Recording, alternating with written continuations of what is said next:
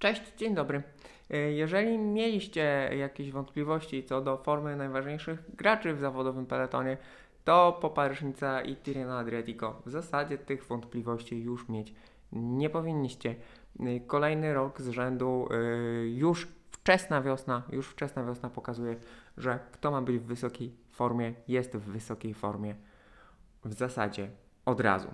Ja nazywam się Mark Tyniec i regularnie komentuję dla Was wydarzenia e, w wyczynowym kolarstwie. E, zatem mieliśmy te e, dwa piękne wiosenne wyścigi Tirreno Adriatico, Paryżnica. Podobne, lecz różne. Sprowadziły się tak naprawdę po pierwsze do korespondencyjnego pojedynku siły drużyn, drużyny Jumbowizma i drużyny Emiratów oraz ich liderów i wiceliderów e, zatem Primorza Roglicza, Tadeja Pogaczara, e, Jonasa Winegorda e, i Brendona McNulty'ego, ale także korespondencyjnego e, pojedynku sprinterów, przykład Jakobsena i Juena. E, także to wszystko rozdzielone e, rozdzielone na dwie grupy, które równocześnie rywalizowały, rywalizowały w dwóch wyścigach o tak naprawdę podobnej charakterystyce. E, najlepiej byłoby to spiąć razem. Mam nadzieję, do tego Was zachęcam zawsze, że oglądaliście wyścigi, że śledziliście na bieżąco. W związku z tym ja nie muszę Wam tutaj szczegółowo podawać wyników, kto, gdzie, dlaczego zaatakował, co tam się wydarzyło. E, natomiast postaram się zrobić taką e, krótką syntezę, bo myślę, że to jest. że to jest w tej części sezonu tak naprawdę kluczowe. Po pierwsze, Filip, Oganna jest tam, gdzie Filip Oganna powinien być e, w znakomitym stylu. Wygrał czasówkę, no, dokładając e, pozostałym najmocniejszym czasowcom e, w zasadzie sekundę na kilometrze, niektórym dwie sekundy na kilometrze. Ta czasówka rozpoczynała Tirreno Adriatico. No i ciekawe było to, że Remco Evenpool był lepszy na czas. Remco był lepszy od Pogaczara. Pogaczar nie był tak daleko. W górach tak naprawdę liczył się już tylko i wyłącznie Tadej Pogaczar. Z kolei w Paryż-Nicanu mieliśmy tą niespotykaną, memiczną, budzącą wątpliwości i kontrowersje tak naprawdę. E, no, dominację, dominację kolarzy, kolarzy Jumbowizma, no bo na czas zrobili co chcieli. Van Aert, Roglic, Denis. Pierwsza trójka. Na takim etapie powiedzmy no górzystym, wietrznym, takim typowym dla Paryżnicea. Zrobili w zasadzie co chcieli, rozerwali peleton e, i, i, i no, no, i rzeź, tota, totalna, totalna rzeź, słuchajcie.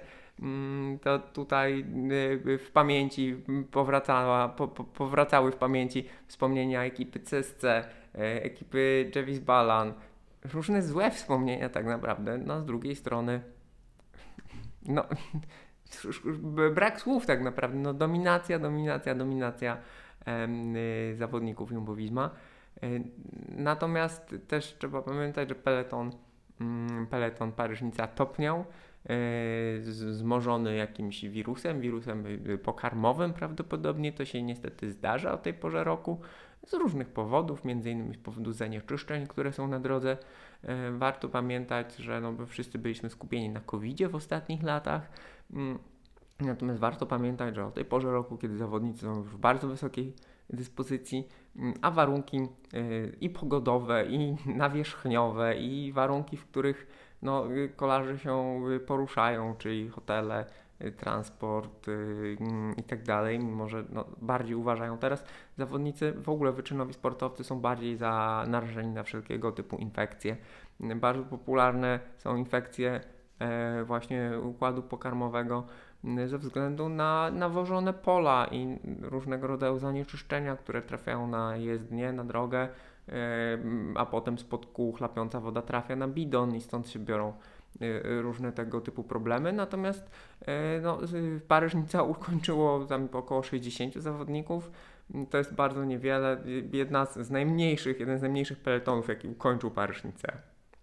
Zatem to też wpłynęło na przebieg rywalizacji, y, zwłaszcza rywalizacji gdzieś w dalszej jej części.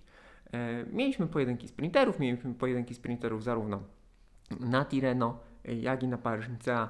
No na Paryżnica świetnie spisał się Jakobsen, świetnie spisał się Pedersen, na, na Tireno no, za, za, zabłysnął, zabłysnął Caleb Iwen przede wszystkim i Tim Merlier. Zatem no tutaj to są te główne postaci, które w zasadzie nas e, interesują, które się sprawdziły, które potwierdziły swoje, e, swoje możliwości zarówno w kontekście sprintów w dalszej części sezonu, jak i e, w występach wyścigów klasycznych. Tutaj warto też jeszcze wspomnieć Fila Bauhausa e, na, na Tirreno Adriatico, który na ostatnim etapie też e, no, bardzo ładnie, bardzo ładnie zafiniszował.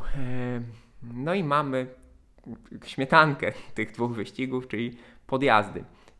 Podjazdów nie było aż tak dużo, nie były aż tak jakby ciężkie.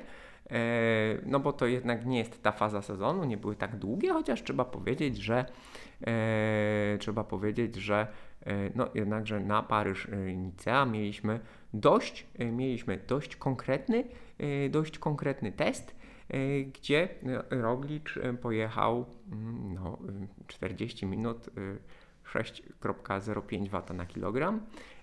Z kolei, mm, z kolei słuchajcie, na na Tireno, na podjeździe Carpenia, gdzie mm, testował swoją nogę świętej pamięci e, Marco Pantani. Test połowę krótszy, 20-minutowy, tam Pogaczar, mm, tam Pogaczar 6,5 W na kilogram.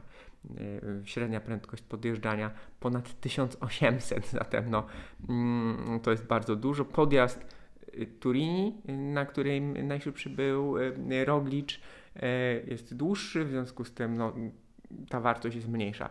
To jest, co jest istotne? Istotne jest to, że mm, to są już wartości takie, w zasadzie z, z takimi wartościami na takich podjazdach można myśleć o wygrywaniu wielkich turów, o odgrywaniu kluczowej roli w wielkich turach, no i ci zawodnicy to potwierdzili. Ale o ile Pogaczar e, no, na, na był absolutnie bez, e, bezkonkurencyjny, jakby zdominował rywali, i na wcześniejszych podjazdach no, pokazywał również bardzo, bardzo dużą przewagę. O tyle Roglicz e, tej tak dużej przewagi nie miał. No, to były sekundy, tak? Mm, zwłaszcza na Turini i dzień później na Coldes tak naprawdę Simon Yates był od niego szybszy. Owszem, w wywiadach zawodnicy mówili, przy okazji Paryżnica mówili, że no, Roglicz jest daleko przed nimi, w związku z tym same wyniki nie pokazują wrażenia, wrażeń zawodników, bo twierdzili, że no, drużyna Jumbo-Visma ma bardzo dużą przewagę, że jest dużo, jest dużo mocniejszy. Nie wiadomo, jakby się to wszystko ułożyło, gdyby y, u podnóża Coldes, e, czyli na ostatnim etapie Paryżnica, Daniel Martinez nie złapał e, defektu, nie stracił czasu w związku z tym. Być może w, w, razem z Simonem Jejcem uzyskaliby większą przewagę. Mm, Roglicz z kolei na Coldes nie pogonił sam za Simonem Jejcem. E, przeszedł do defensywy dzięki pomocy e, Wołta Van Erta, który no, jest MVP znowu, jest uniwersalnym żołnierzem, uniwersalnym pomocnikiem. E, zaprezentował się z fantastycznej strony, znowu jako kolarz, który potrafi niemal absolutnie wszystko. zatem w tym korespondencyjnym jakby w, korespondencyjnym pojedynku Roglicza z Pogaczarem, no lepiej wygląda Pogaczar w tej części sezonu. No i jakby wszystko wskazuje na to, że wszystko idzie zgodnie z planem. Z drugiej strony, mimo że drużyna Emiratów e, również jest bardzo mocna i bardzo wspomagała zarówno Pogaczara, e, jak i e, no, McNulty i, i, i Almeida bardzo ładnie pojechali Paryżnicea. E, Magnalti również, e, Magnalti bardzo fajnie też wygrał etap, e, ciężki. To powoduje, że to, to gdzieś się równoważy. Jednak drużyna Jumbo-Visma wydaje się być mocniejsza. Mają tego Wniegora, który nie dał rady Pogaczarowi w Tirreno Adriatico. Mają tego, ale wciąż jest świetny. Mają tego Roglicza, który jest znakomity, wygrywasz Paryż Nicea, który jakby jest coraz do, dojrzalszy, nie ściga się tak o sekundy, nie, nie szuka aż takiej e, dominacji, która została ukarana wiele razy e, w przeszłości.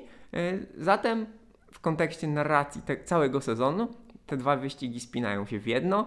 Mm, mamy zawodników w świetnej dyspozycji i nie tylko samego Pogaczara i nie tylko samego Roglicza, bo na Turini równo z Rogliczem, czego by nie mówili, był Martinez, był Yates, był w zasadzie Quintana, niedaleko był Almeida, mm, na Coldes Yates był lepszy od Roglicza, z kolei nawet jeżeli Pogaczar no tutaj tak bardzo zdominował mm, rywali na podjeździe Karpenia, trzeba pamiętać, że te 20-minutowe podjazdy e, to jest e, w zasadzie domena Pogaczara. Jeżeli miałbym wskazać e, teren, w którym ten niezmiernie utalentowany i uniwersalny zawodnik faktycznie jest najlepszy i ma najlep- największą przewagę, to są te 20-minutowe podjazdy, na których absolutnie nikt w tym momencie nie jest w stanie jechać tak szybko jak on. W związku z tym to było to miejsce, gdzie Pogaczar, mimo że tam były trudne warunki, było zimno, był śnieg na poboczu, nie najlepsza nawierzchnia, y, to Pogaczar zrobił, co miał zrobić w terenie idealnym dla siebie. Oczywiście on potrafi jeździć na czas, nie traci na długich podjazdach, albo wręcz zyskuje na długich podjazdach, w sensie 40-minutowych, czasami godzinnych, y, daje radę też na ściankach, więc jest bardzo uniwersalny, ale te 20-minutowe podjazdy, te 6,5 W na kilogram, no jest bardzo trudno osiągalne dla całej reszty. W związku z tym trzeba wziąć poprawkę na to, że ci jego rywale również jechali bardzo dobrze, nawet jeżeli nie wyglądali tak świetnie na tym tak bardzo wywindowanym mm, tle, jakim e, jest Pogaczar. No i moi drodzy, tak starałem się to wszystko jakoś w miarę spiąć. Konkluzja jest taka, e, sezon e, rozpoczął się przynajmniej na tak samo wysokim poziomie jak ostatni, jeśli nie odrobinę wyższym, co wskazuje na to, że rywalizacja e, na dalszych etapówkach, na górzystych klasykach, na wielkich turach zapowiada się znakomicie. Bardzo dobra forma sprinterów, klasykowców, którzy tutaj też pokazali, że są w świetnej dyspozycji, sugeruje fenomenalną kampanię wiosennych klasyków w tym roku. Naprawdę, gdyby nie okoliczności polityczno-historyczne, które nam towarzyszą każdego dnia, czyli krótko mówiąc, e, rosyjska agresja na Ukrainę i wojna tocząca się tuż za naszą granicą, no to można byłoby się naprawdę skupić na genialnym sezonie, e, który zapowiada się znakomicie, a tak to no, kolarstwo pozostaje tą e, formą odskoczni. No i moi drodzy, to by było na tyle. Dziękuję Wam uprzejmie. Do zobaczenia, do usłyszenia.